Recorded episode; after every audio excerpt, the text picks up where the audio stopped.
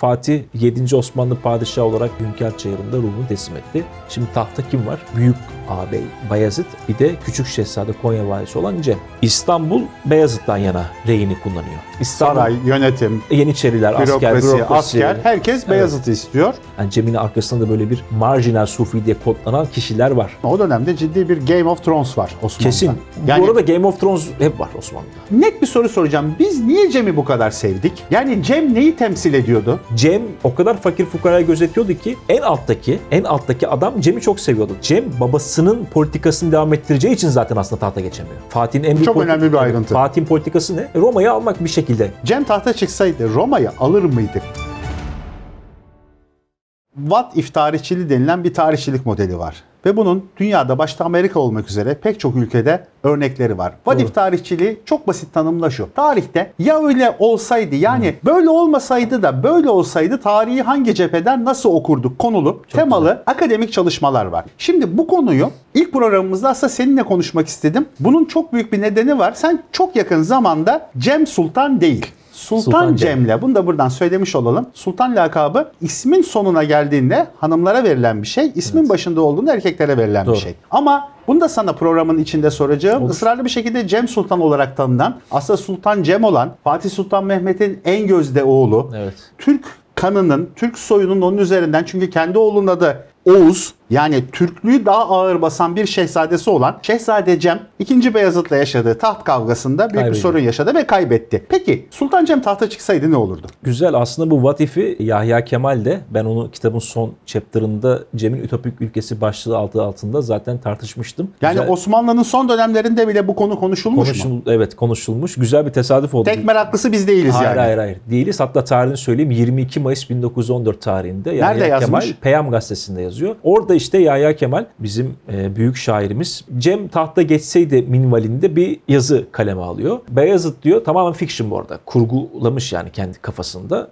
Bunu okurla paylaşıyor. Tarihi bir daha dikkat çekelim. Mehmet abi 1914 senesi. 4 sene sonra Mondros imza edilecek, imparatorluk bitecek falan falan. Ama hala Osmanlı Ama devam ediyor. Hala Osmanlı devam ediyor. ve tahta işte- bir padişah varken daha önce başka bir padişah gelseydi ne, olurdu? diye Osmanlı konuşmuş. Sorusu sökün ediyor hep herkesin zihninde belki de kalbinde. Yani Cem dendiğinde çünkü böyle bitmeyen bir aydınların hesabı var. Mesela Naysır Örik de bunun devam ettirecek Cumhuriyet döneminde. Cem diyor, şey Beyazıt diyor pardon, Sofiyane'den olduğu için diyor, Sufi biriydi diyor ve tahtı suhuletle kardeşine bıraktı diyor. Tabii ki bu gerçek tarihte böyle bir şey asla vuku bulmayacak. Hatta çok sıcak savaşlar, sert mücadeleler falan olacak. Cem de 22 yaşında bu işe başlayacak. 1495'te öldüğünde 36 yaşında ve ömrünün 13 yılını gurbette geçirecek. Hani işin hakikat tarafı bu. Fakat dediğim gibi bu bir kurgu ve Yahya Kemal kafasındaki o ya da muhayyilesine yarattığı imgeyi yamıyor. Tarihin kenarına böyle bir patchwork olarak konduruyor. Sofyane'den dedi Sufi bu adam ve şey tahtı bıraktı. Kendisi inzivaya çekildi. Dervişliğini orada devam ettirdi falan. Cem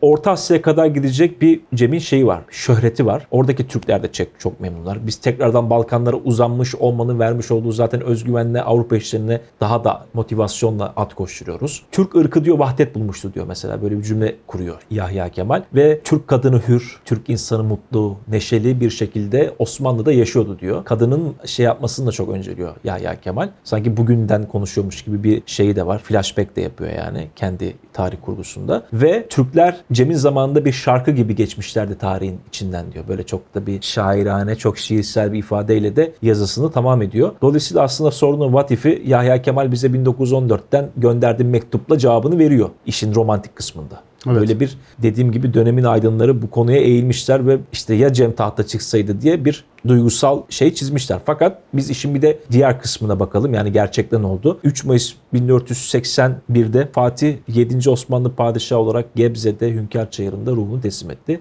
Şimdi tahta kim var? İki kişi var ama Fatih'in üç oğlu var değil mi? Hemen o zaman Tabii. şey yapalım. Böyle kronolojik olarak söyleyeyim. 1448'de Dimotoko'da dünyaya gelen Bayezid, 1450'de Manisa'da doğan Mustafa, 1459'da Edirne'de dünyaya gözlerini açan Cem. Üç oğlu var. Fakat Mustafa biraz şey böyle zampara bir oğlu olduğu için bu İstanbul'da Mahmut Paşa semti var. Mahmut Paşa'nın nikahlı hanımıyla birlikte yaşadığı bir gayrimeşru ilişkiden ötürü Mahmut Paşa onu zehirletiyor. Çağatay Uluçay bu konuyla ilgili çok böyle derin bir makale yazmıştı. Meraklısı oradan da bunu takip edebilir. Dolayısıyla bu savaşta taht mücadelesinde iki kişi kalıyor. Bir büyük şehzade, büyük ağabey Bayezid Amasya valisi. Bir de Küçük Şehzade Konya valisi olan Cem. 1481'de hakkın rahmetine kavuştu Fatih. Hemen iki kardeşe ulaklar vasıtasıyla haber uçuruluyor. Fakat İstanbul yani aslında Yahya Kemal'in biraz böyle tarihte kafasını çıkarttığı, çıkma yaptığı yerde bence orayla da hesaba kesilmemiş. Yahya Kemal aslında o müesses nizama da oradan bir göndermede bulunuyor. İstanbul Beyazıt'tan yana reyini kullanıyor. Yani direksiyonu Beyazıt'tan yana kırıyor ve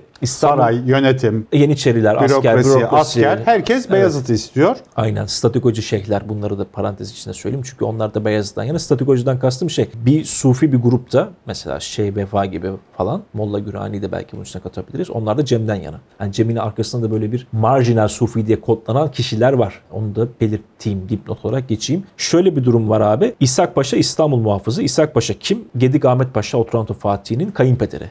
Dolayısıyla burada bir aslında konsensüs sağlanmış gibi. Korkut var Beyazıt'ın. O sırada İstanbul'da. Cem'in oğlu da Oğuz da İstanbul'da ama mesela şehit tahta çıkartıyorlar babası gelene kadar. Beyazıt İstanbul'a varana kadar Korkut'u çıkarıyorlar. Naip gibi. Naiplik yapıyor. İşte aslında İstanbul orada rengini belli ediyor. Biz Korkut'un üzerinden aslında Beyazıt'la yolumuzu yürüyeceğiz diyor. Fakat burada şöyle bir şey var. Şimdi burada Ece Ayhan'ın deyişiyle sarışın Osmanlı tarihçileri hep Beyazıt'ı övüyor, önceliyor. Aslında taht mücadelesinde onun hep önde olduğunu, ona yaraşır olduğunu söylüyorlar. Fakat Cem'in kendinin e, perspektifinden gayet haklı olduğu yerler var. Mesela bunlardan biri de şu. Cem'in bence gizli patronu diyeceğim bir adam var. Karamani Mehmet Paşa, Fatih'in son büyük vezirlerinden ve teorisyeni. Devleti imparatorluk yaparken hangi usulle biz yeniden update eden adam Karamani Mehmet Paşa. Yeniden tedavüle soktuğumuzda bu yapıyı kim nasıl nerede yapacak diye Karamani'nin bu arada Karamani de Mevlana'nın torunlarından Eyvallah. o kuşağa müntesip. Ama Hazreti Mevlana'nın torunu olması demek onun dönemin şeyhleriyle her zaman iyi geçince anlamına da gelmiyor. Çünkü şeyhlerin vakıflarını devletleştiriyor. Dolayısıyla aslında o statikocu şeyhlerden kastım şu. Amasya yani Beyazıt'ın hüküm sürdüğü yer gizli bir muhalefet dönüşü- dönüşüyor. Neye muhalefet? Fatih'e ve Fatih'in yapısını, politikası devam ettirecek olan her şeye. Kim var onların başında da Cem var. Dolayısıyla hani Cem'i neden kaybettiği konusunun aslında bir background'ı burada karşımıza çıkıyor bu haritada. O zaman şu şöyle bir şey demek e, yanlış olmaz değil mi? O dönemde ciddi bir Game of Thrones var Osmanlı'da. Kesin. Yani Bu arada Game of Thrones hep var Osmanlı'da. ama yani çok ortaya fazla bir şekilde çıkmış bir Game of Thrones var. Tam taht oyunları. Evet. Arada çapkınlık hikayeleri. Tabii. Yani Şehzade Mustafa'nın yaptıkları o dönemin Şehzade evet. Mustafa'sı. Cem. Cem'in başka bir bakış açısı ama neticede her zaman olduğu gibi Osmanlı devlet bürokrasisi güçlüden yana duruyor. Ve Güçlüden- güçlü Beyazıt gibi görünüyor galiba. Evet İstanbul'un patronu Beyazıt olacak ve Beyazıt mesela bence şey yapılıyor. Ben ona kitapta da değindim. Hani ben bu kitabın yazarıyım tamam benim dünyamda da ben de Yahya Kemal gibi Cem'den tarafım zaten onu da söylüyorum ama hani olabildiğince objektif nesel bir tarih anlattım. Beyazıt mesela değil mi? Sultanahmet devri istibdat denir 33 yıldır. Beyazıt kaç sene yaşıyor biliyor musun abi? Saltanat sürüyor 31 yıl. Yani değil mi? Bayağı bir Uzun bir uzun dönem. bir süre ve gerçekten tek adam oluyor. Çünkü bir konsensüs, bir mutabakatla tahta çıkıyor. Kim bu? Bileşenlerin parçaları, Yeniçeriler. İshak Paşa'nın İstanbul muhafızı olan o bürokrasinin bence asıl sahipleri. Anlaşma ne? Mesela şeyhlere şöyle deniyor. Tekrar sizin mallarınızı biz devlet sizde karışmayacak diyor. Dolayısıyla bu şeyhler kalben Bayezid'e teveccüh ediyorlar falan. Win-win yapılıyor. Ben Aslında sana bir şey vereceğim. vereceğim. Sen beni destekle Cem'e karşılığında. Evet, evet. Peki şuradan devam etmek istiyorum sevgili Samet. İşin üzerinden yani ya- yaşanan hikayenin yani öteki padişah Cem'in hikayesinin üzerinden tam 500 sene geçiyor. Evet. Değil mi? Ve 500 yıl sonra bu millette hala bir Cem sevgisi var. Çok güzel. Evet. Net bir soru soracağım. Biz niye Cem'i bu kadar sevdik? Yani Cem neyi temsil ediyordu? Vera Mutavçıyeva diye Bulgar tarihçi ve yazar var. Yakın zamanda yani günü çağdaş bize bayağı yakın bir dönemde vefat etmişti. Yani Vera bu arada Mutavçıyeva'nın tarihsel şeyleri de çok saptamaları da yerindedir. Yani hatta o zaman dönemin Bulgar hükümetini falan kızdırmıştır. Ajan olmakla da suçlanmıştır. Çünkü tarihin gerçekliğini anlattığınızda devlet çok bu konularda şey değil alerji uyandırabiliyor yani. Mutavçıyeva öyle diyor. Cem neydi diyor. Onun bir Cem Sultan romanı var bayağı bir hacimli ve bence tarihi kaynaklara binmiş, üzerine bina edilmiş bir kurgu. Cem'in bir prototip olduğunu söylüyor abi. Neyin prototipi? İşte bunu hani çok böyle vulgar ifade edeceğim ama mazlumun yanında olan, Hani böyle e, hakkı gözeten, hakkaniyeti gözeten bir e, adam olduğunu. Dolayısıyla tarihin doğal akışında insanların kalbinde kendine yer bulduğunu beyan edecek sözler sarf ediyor. Ama bakıyorsunuz ya diyorsunuz ki bu acaba romancının kendi Fantezisel dünyası olabilir mı? mi? Yok değil. Karaman'da Cem staj görecek değil mi? İmparatorluk stajını yapacak orada. Vali, valilik yapacak. Şeye bakıyorsunuz Karamanlıların resmi tarihçisi var Şikari. Karaman Name'nin müellifi. O da Cem'i övüyor. Ha, bu sefer de şöyle bir soru sorulabilir. Ya Karamoğulları zaten Osmanoğlu'nun kronik düşmanı. Ama tamam da sonuçta bir Osmanlı şehzadesini hala övüyor ve Cem'in tahta geçmiş geçmeyeceği belli değil. Diyor ki Cem o kadar fakir fukarayı gözetiyordu ki en alttaki en alttaki adam Cem'i çok seviyordu diyor. Abi şimdi Cem'in şöyle bir şey var. Cem gerçekten eskortsuz korumasız gezen bir adam o dönem itibariyle ve yolda mesela bir fakir gördüğü zaman onunla dertleniyor çünkü şair bu adam. Oynamıyor. Bu Ama önemli. bak, şimdi bak şöyle bir durum var. Şimdi Cem'in rakibi olan ve bu tartışmanın diğer tarafı olan Beyazıt. Beyazıt ise Osmanlı'da veli lakaplı Tamam, ve evliya olarak bildiğimiz Güzel. bir adam. Burada şunu çok merak ediyorum. Şimdi ben Beyazıt Veli'nin gösterdiği açık kerametler, ağzından çıkan gelincik benzeri bir canlıyı öldürmesiyle nefsi, o nefsinin e, Beyazıt'ta türbeye defnedilmesi gibi pek çok tevatür olabilecek hikayelerin Evet. kahramanı ve özünde çok iyi bir insan profili çizen ve veli sıfatı taşınmış bir adamın karşısındaki adam ya en az onun kadar iyi olmalı ya da biz Cem'i yanlış tanıyoruz. Yani şöyle bir şey soracağım. Cem bu kadar iyiyse Beyazıt çok büyük bir günahkar mı? Ya da Sultan Cem'in hiç mi hatası yoktu abi? Tamam güzel. Var bence hatası en büyük hatası bence hakikatte imgeye karıştıran bir adam olması. Çünkü dedim ya şairdi. Hayallerde yaşıyor. Biraz daha şeyde çabuk kurduğu diyaloglarda inanıyordu herkese mesela. Bu Cem'in bence hatası bir de senle biz yayın öncesinde konuştuk. 22 yaşında babası vefat Çok etti. toy. Çok toy. Vefat ettiğinde bile çok genç yaşta. Hani ben sana dedim ya Cem'in vefat ettiği yaştayım diye 36 yaşında Cem vefat ediyor. Yani gerçekten çok genç. Onun kurduğu ilişkiler tarihle girdiği diyalog falan hep kaybetmesinin nedenlerinden. Ama Beyazıt'la alakalı şöyle bir şey var. Yani çok özür dileyerek şunu söyleyeceğim. Cem'in karşısındaki adam da kötü biri değil ki. Ya da biz mi yanlış biliyoruz? Abi zaten şöyle tarihte iyi kötü üzerinden okunmuyor. Bu iktidar mücadelesi. İktidarı mesela Cem de iktidarı ya da Şehzade Mustafa da iktidarı ya da Bedrettin'in kaz askeri olduğu Musa Çelebi de iktidarı ele alsaydı onların da bir sürü yanlışları olabilecekti yani. Bu, bu bunu tartışmıyoruz. İyi kötü üzerinden bakmıyorum ben yani siyah beyaz değil. Ben olabildiğince hayatımda öyle gri alanların çokluğu üzerinden baktığım için zaten öteki padişah diye kodladım Cem'in ismini. Yani böyle bir terkip kullandım. Yani Beyazıt kötü bir adam değil ama Beyazıt'ı veli mi? Ben onu soruyorum mesela. Yani şimdi gençliğinde Şehzade döneminde Amasya'da yaşarken Afyonkeş bir adam Beyazıt Evet. biliyorsun. Evet. Babası böyle hemen yanındaki adamları idam ettiriyor Fatih. Oğlunu bu müptelaya Berç deniyor yani o bir takım uyuşturucu madde bağımlısı yani adam. Ben diyor zayıflamak için diyor işte kilo aldım obez oldum o yüzden bunu kullandım. Hata ettim babacığım bir daha yapmayacağım diyor. Şimdi hani denebilir tövbe ettikten sonra veli olamaz mı? Olabilir ama bu biraz şeye benziyor hani iktidarı ele geçirdikten sonra şey uçmaz mürit uçurur gibi bir havası var. Cem tahta çıksa bir veli Cem de mi görecektik? O muhtemelen yanındaki adamlardan illa Cem'in kerametlerinde yazılacak bir Cemname okuyabilirdik. Bunlar bence olabilir, olabilecek şeyler ama hani Cem buna müsaade eder miydi bilmiyorum. Ama Cem'in zaten mesela hani kerameti kendinden menkul müdür bilemeyeceğim ama Sarı Saltun değil mi? O Evet. çok majör bir adamdır Tabii. şeyde. Hem tasavvuf erbabının gönlünde hem de tarihsel anlatıda değil mi? Balkanları Türkleştiren, İslamlaştıran Aynı en anda önemli 10 yerde birden olan, yani havada uçan. Şey ya flash bir figür yani. Tabii. Şey Sarı Saltuk.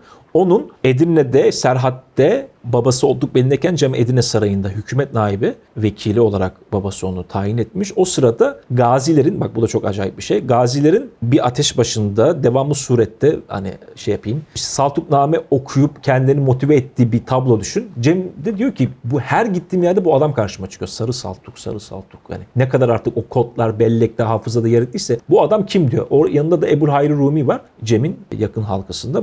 Onu vazifelendiriyor. Diyor ki sen bu adam kimse bununla alakalı bütün her şeyi topla. Saltuknameyi vücuda getiren adam sponsoru Cem'dir mesela. İşin hem üstlenicisi hem takip ettiricisi hem de nihayete erdiricisi olarak. Saltuknameyi biz şu an Cem'e borçluyuz. Ona medyunu şükranız yani. Değil mi? Bir sufi figürün aynı zamanda Gazi Derviş prototipinin timsalidir Sarı Saltuk. Onun peşinden gidiyor. Ve aslında o gazilerin şuur altında yer alan o imgeyi de tekrardan iki kapak arasına getirtiyor. Hani senin soruna dönmek için bu örneği verdim. Veli olur muydu, olmaz mıydı? Ben işin bu tarafıyla çok ilgiliydim. Ben gerçekten kişi ne yaptı ona bakıyorum. Ona bakarak söylüyorum. Vatifle tenakuza düşmek istemem ama hani Cem'in böyle de bir gerçekten hayatında yapmış olduğu en önemli işlerden biri de Saltukname'yi vücuda getirmesidir. Yani bir Türk atlası olarak baktığımızda ya da Cem-i Cami ayini derletecek. Yine Dede Ömer Ruşen'in halifesi Hasan Bayati'nin tavassutuyla böyle bir kitap yazacak ve Osmanlı tarihi yazacak. Hazreti Peygamber'e kadar dayandıracak neredeyse kayının soyunu. Hani Cem'in zaten bu tarakla bu taraklarda diyeyim bu taraflarda bezi var yani hep böyle bir tasavvufi kişilerle ilişkili. Şimdi işin romantik kısmını aslında Yahya Kemal'e bırakalım. Hani o onun o şair imgesinde, imajında o dursun. Hani ben de kalben ona inanıyorum zaten. O işin ayrı bir kısmı, bölümü. Okey. Fakat bir de hani tamam hani what if'i eğer öyle olsaydı. Bunu da biliyorum zaten kitapta yazdım. İstek kipiyle tarih yazılmaz. Sen de biliyorsun. Herkes de biliyordur yani. Fakat hani biz burada başka bir gerçekliğin kapısını açmak için böyle biraz fikir teatisi yapıyoruz karşılıklı. Kronolojik olarak bir daha bir şey yapalım. Osman Gazi, Orhan Gazi, 1. Murat değil mi? Yıldırım Beyazıt, Çelebi Mehmet, 2. Murat. Bu 6 padişah nerede? Bursa'da metro. Bursa'da. Sen de gezmiştik Evet. Daha önce. Fatih ile beraber 29 padişah İstanbul'a defnedilecek. Konstantinopolis'te yaşayacaklar. Şam'da da Vahdettin var. Resmi tarihe göre 36 padişah var. Hani ben bunu Musa'yı da katıyorum. Emir Süleyman'ı Ben da Süleyman'ı katıyorum. da katarım Kat- mesela. Tabii tabii onu. Birin- Kat- bence birinci. Süleyman Ben. Cem'i de dahil ediyorum. Çünkü padişah olmanın alameti farikalarından biri nedir? Sikke kestirmek, para Hutbe kestirmek, okutmak. hutbe okutmak, düzenli bir ordusunun Yaptı. olması. Hepsi var. Bir de ilk savaşta Beyazıt'ta da yeniyor falan. Bir padişah olması gereken her şey var. Divanı da var. Hani padişahsa. hepsi tutuyor. Hepsi var. Dolayısıyla aslında Cem'i de padişah olarak çok rahatlıkla Sayılabilir. sayılabiliriz. Mesela Necdet Sakaoğlu böyle bir toto oynuyor yani. Biraz 36'yı biraz daha yükseltiyor. O da 40'a yaklaştırıyor. Fakat Şimdi Cem 8. Osmanlı Padişahı Beyazıt değil de Cem tahta geçti diyelim. O dönemin Osmanlı real politiğine bakalım. Ne var? İşte bir kere bir Rodos belası var. Akdeniz Çanağı'nda havzasında Fatih'in canını çok sıkan. O yüzden zaten Otranto'ya İtalya'nın güneyine kadar sefer düzenlettiriyor Gedik Ahmet Paşa'ya falan başarısı oluyor. O yüzden Mesih Paşa komutasında Rodos kuşatılıyor. Ta Kanuni zamanı 450 kadırgayla falan gireceğiz. O zaman biz ancak ancak alacağız. Şimdi Cem bir kere bence babasının bu batı politikasını çok şiddetli bir şekilde devam ettirirdi. O yüzden İstanbul bunu istemedi zaten. Yeniçeri artık Fatih'in o yoğun askeri harekatlarından sıkılmıştı. Bir doğudasın bir batıdasın falan falan. Gelir geliyor. Şimdi belli bir doygunluğa ulaşınca artık o gelirin de bence bir hükmü kalmıyor abi. Yoruldum diyor adam net bir şekilde değil mi? Ben yoruldum artık diyor. Artık Evet, savaş evet. istemiyorum diyor. Daha böyle frene basılmalı. Daha böyle hani Kazandığımı harcayayım artık Evet, gibi bir evet, nevi. olabilir yani. Yeniçerinin bakış açısı. Ki bak mesela Yeniçeri, bu da Necdet İşçi'yi de almış olayım. Kendisi Yeniçeri mezar taşlarında üstattır yani. Onunla alakalı bir mülakat yapmıştık. O da mesela Yeniçeri'nin artık böyle bir holdingleştiğini söyleyecek daha sonraki dönemde. Bence bunun numunelerini biz bu Cem Beyazıt çekişmesinde aslında Yeniçerilerin tavrı üzerine okuyabiliriz. Bu da ayrı bir Eyvallah. bahsi diğer. Oraya da hiç girmiyorum. Ama bu da bir hani YouTube'a bir dip, dipnot atalım belki birileri ilgilenir.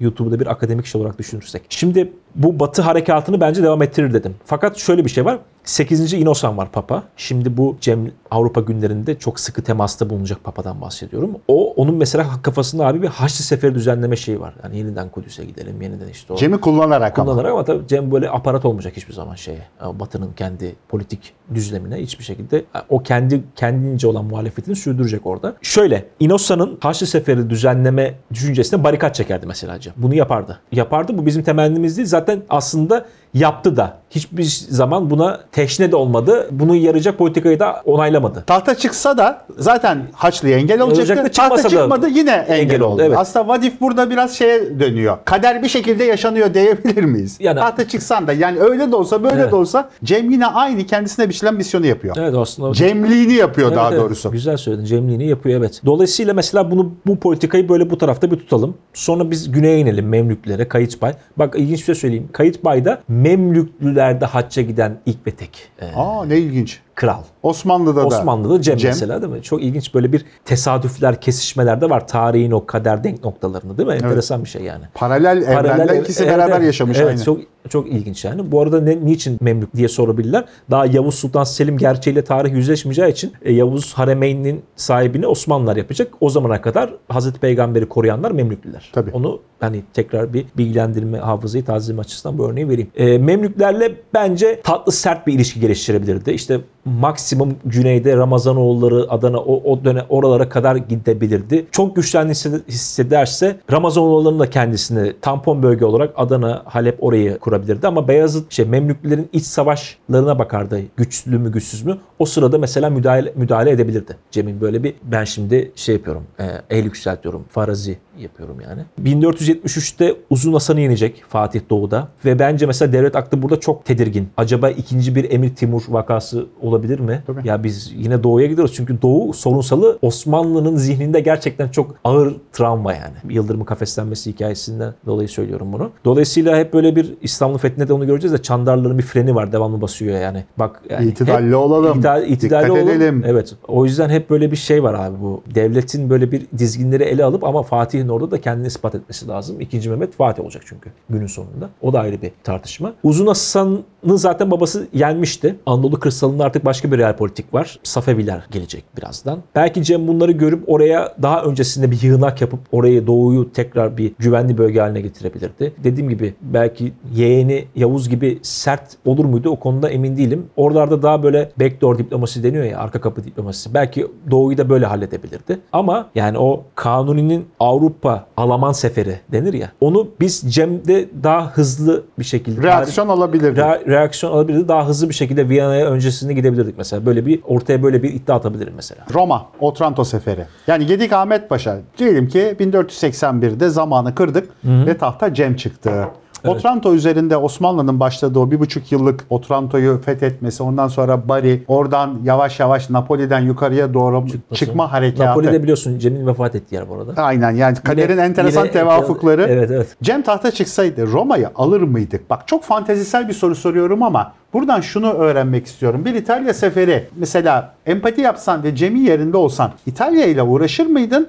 Yoksa babanın vefatından sonra biraz ortalığı toparlayayım mı derdin? Babamın vefatından sonra ortalığı toparlayıp hemen İtalya'ya giderdim. Direkt yapardı değil mi? Evet öyle bir şey var. Çünkü orada dediğim gibi zaten bunu uzun çarşılı falan da söyleyecek. Cem babasının politikasını devam ettireceği için zaten aslında tahta geçemiyor. Fatih'in en büyük Çok önemli bir ayrıntı. Fatih'in politikası ne? Roma'yı almak bir şekilde. Tabii. En nihayetinde Romaları birleştirmek. Evet, Birincisi İstanbul, Konstantinopolis, polis, İstanbul. ikisi- Roma, Neo Roma. Tabii. Tamam bu ikisini birleştirecekti. Dolayısıyla bunu Roma. yapardı. İki Roma'yı birleştirirdi. Yani bu Cem'in de şuur altında kızıl elma metaforu, nosyonu bence bir şekilde hayat bulurdu, vücut bulurdu ama zaten böylesi düşünceler, mülazalar olduğu için Cem tekrar edeceğim tahta çıkamadı yani. Sevgili Samet çok teşekkür ediyorum. Eyvallah. Çok keyifli bir program oldu. İnşallah Sevgili öyledir. izleyiciler bugün Sultan Cem tahta çıksa ne olurdu bunu konuştuk. Ama bu programda biraz önce sevgili Samet Altıntaş çok önemli bir ayrıntıya e, parmak bastı. Aslında bundan önce Osmanlı için çok önemli bir travma vakası olan bir bizim bir Ankara Savaşımız var. Ve Evet. Ankara Savaşı'nda Osmanlı'nın ciddi anlamda yediği 15. yüzyılda ve belki de daha, önce, daha sonraki dönemleri de kapsayacak en büyük tokatlardan biridir Ankara Savaşı. Timur'a yenilmesi Kesin. ve devamında Yıldırım'ın kafese konması. Bir sonraki programda bunu konuşalım ve Ankara Savaşı'nda eğer Yıldırım kazansaydı Timurlu devletinin sonu ne olurdu? Ya da Yıldırım kazansaydı Osmanlı yönünü Buhara ve Semerkant'a kadar devam ettirir miydi? İlginç. Oradan Rusya steplerine çıkar mıydı? Kafkasya, Hazar bütün hattı ele geçirir miydi? Ya da buraya ilgilenir miydi? Ya da tamamen doğuyu bir stepne devlete bırakıp batıya mı dönerdi? Bir sonraki programda bunu konuşacağız. Görüşmek üzere. Burası gdh.dijital. Takip edin, gündeme dair her şeyden haberiniz olsun.